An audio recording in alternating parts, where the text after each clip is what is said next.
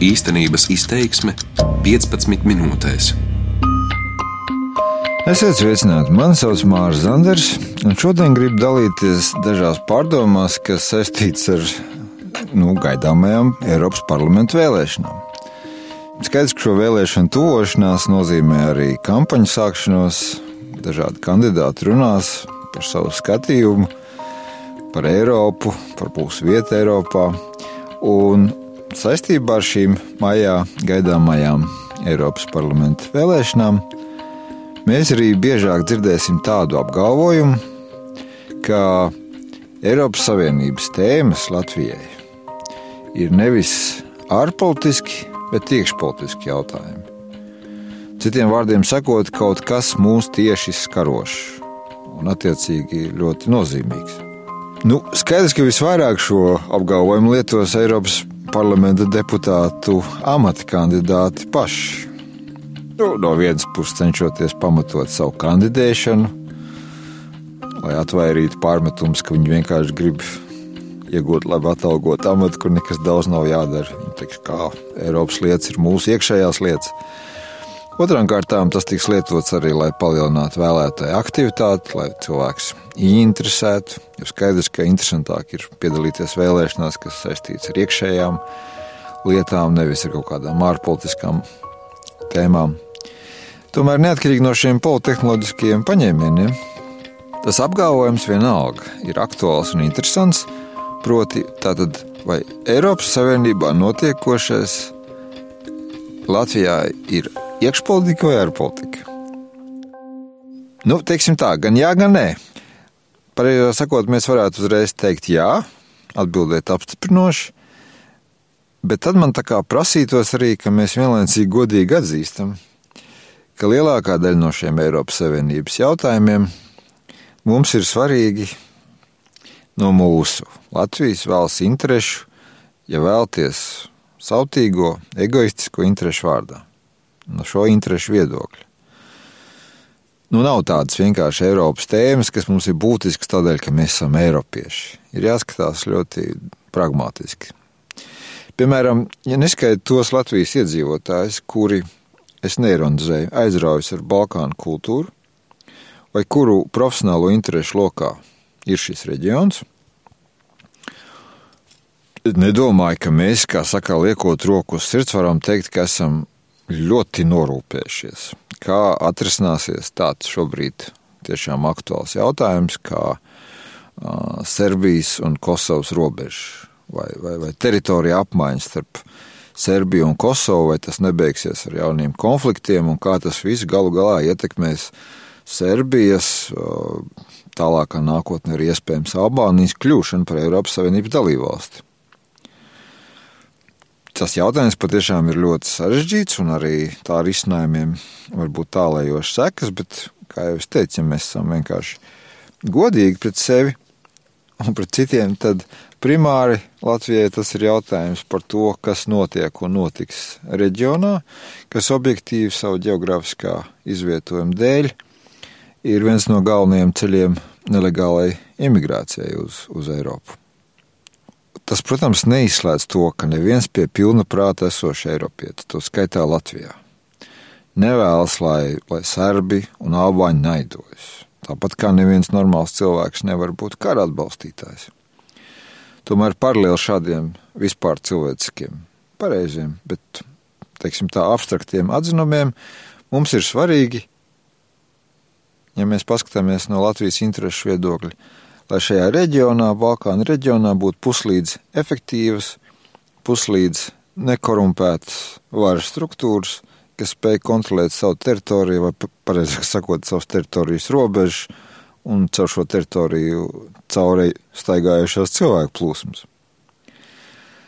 Līdzīgi skaidrs, ka mums Latvijā interesē, kādi politiķi un partijas ir pie varas Ungārijā vai Čehijā vai vienalga Bulgārijā. Bet atkal, ja mēs neliekuļojam, tad vispirms mūs tas interesē saistībā ar to, vai palielinās Kremļa politikas atbalstītāju skaits Eiropā. Ar to, cik daudz no Eiropas Savienības dalību valstīm citām dalībvalstīm, saprot Baltijas nostāju attiecībās ar Krieviju. Un līdz ar to tas ir mūsu interesi. Savukārt tas, ko politiķi, partijas, kas kurs ir pie varas Centrāla Eiropā, nozīmē pašiem Centrāla Eiropas iedzīvotājiem, nu, mūs tas interesē. Ja mēs esam godīgi paši pret sevi, tad tas interesē par tik par cik, jo mēs tur vienkārši nedzīvojam.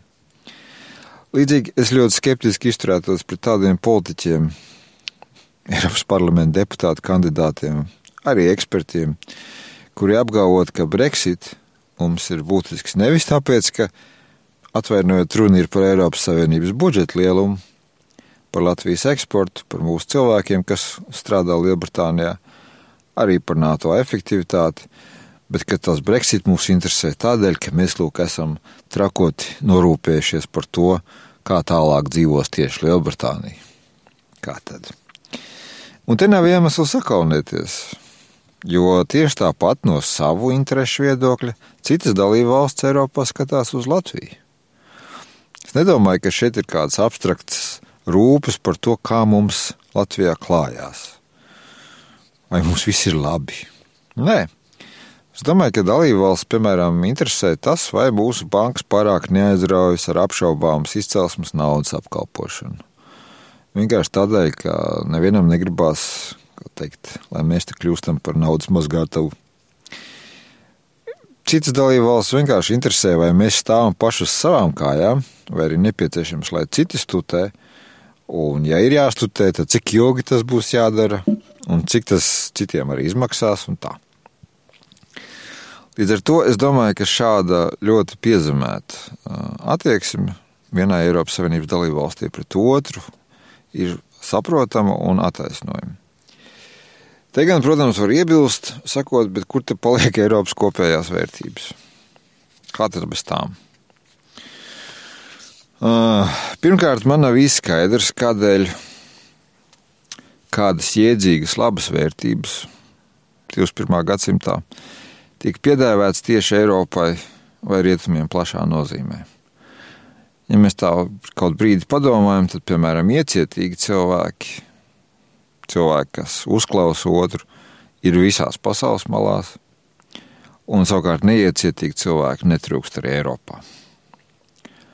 Un jā, jāpiekrīt, ka virkne vērtību, piemēram, uzskatu, izteikšanās brīvība, Eiropā ir labāk nostiprināts likumdošanā un ir arī vairāk praksē respektēts no varas puses nekā citur, piemēram, nezinu, kādā Āzijas vai Āfrikas valstī. Savukārt, ja runājam par iecietību kā vērtību tieši individu līmenī, vai šajā ziņā Eiropieši kaut kādi pārāki par citiem, te vēl varētu pastrīdēties.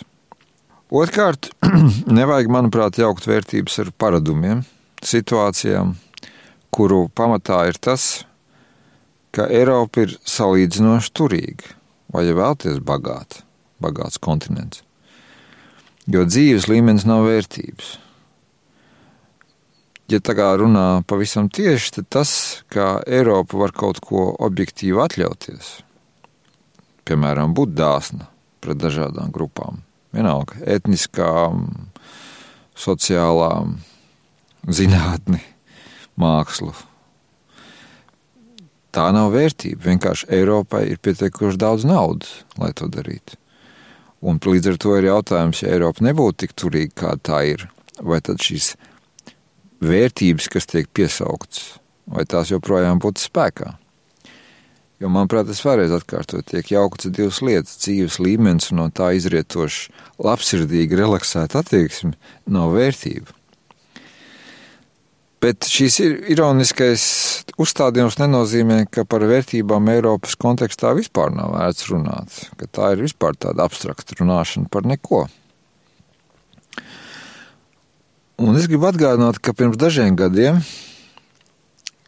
procesu rietumos un arī Krievijā novērtējumos es atgādināšu, ka tas sāk, nu, bija runa par štatos notiekošo arī Centrāla Eiropā arī saistībā ar Putinu Krieviju, ka šajos novērtējumos sāk parādīties uh, situācijas, pašreizējās situācijas salīdzinājums ar tā saucamo Veimāras republiku Vācijā.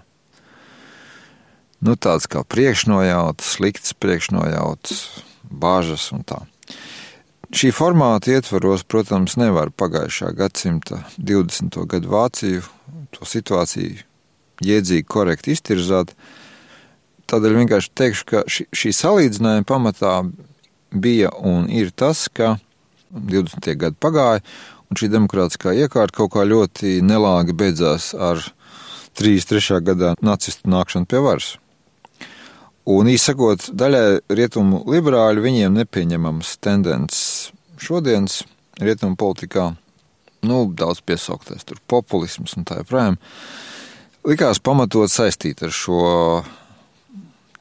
starpkara periodu, ar Eiropas, ne tikai Vācijas, bet visas Eiropas eksperimentiem ar autoritārismu 30. gados.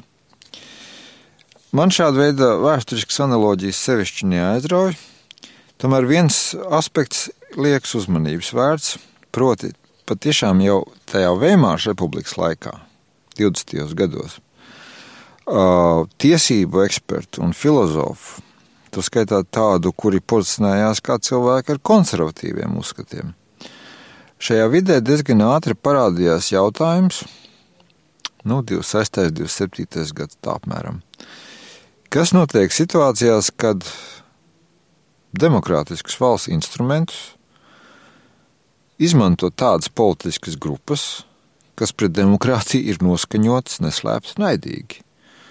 Vai vienkāršot izsakoties, ko darīt, ja vēlēšana ceļā pie varas nonāk cilvēki, kuri ir pret pilsoniskām tiesībām, to skaitā pret tiesībām balsot, respektīvi viņi tiek ievēlēti, lai atceltu tālāk vēlēšanas, kā šķiru, kā saka. Kādas ir iespējas demokrātijai aizsargāt sevi, paliekot demokrātijai?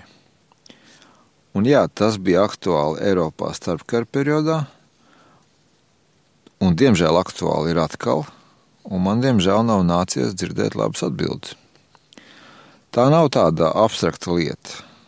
Tas ir konkrēts situācijas. Piemēram, lai gan man Eiropas kreiso un labējo radikāļu nepatika pret ASV, bieži liekas pašvak no pamatojuma viedokļa. Manuprāt, demokrātiskā Eiropā ikvienam ir tiesības lamāt amerikāņus pēc sirds patiks. Jautājums ir, kas notiek, ja pretsvars Vašingtonē tiek meklēts Maskavā? Tāpat es neredzu lielu nelaimi, ja dažādas interešu grupas Eiropā ar putām uz lūpām aizstāv savu skatījumu un tiesības. Bet kas notiek, kad demokrātiskā ceļā iegūtu varu Eiropā? Kāda no grupām izmanto citu grupu apklusināšanai? Līdz ar to es teiktu, ka lielajā tajā visā runāšanas traumē par Eiropas vērtībām der atcerēties, ka skatījumi uz to, kas ir Eiropa, bija un būs dažādi. Bet ir šis visnotaļ senais jautājums par to, kā demokrātija var sevi aizstāvēt, paliekot demokrātija, kas Eiropā ir aktuāls un to nevajadzētu aizmirst.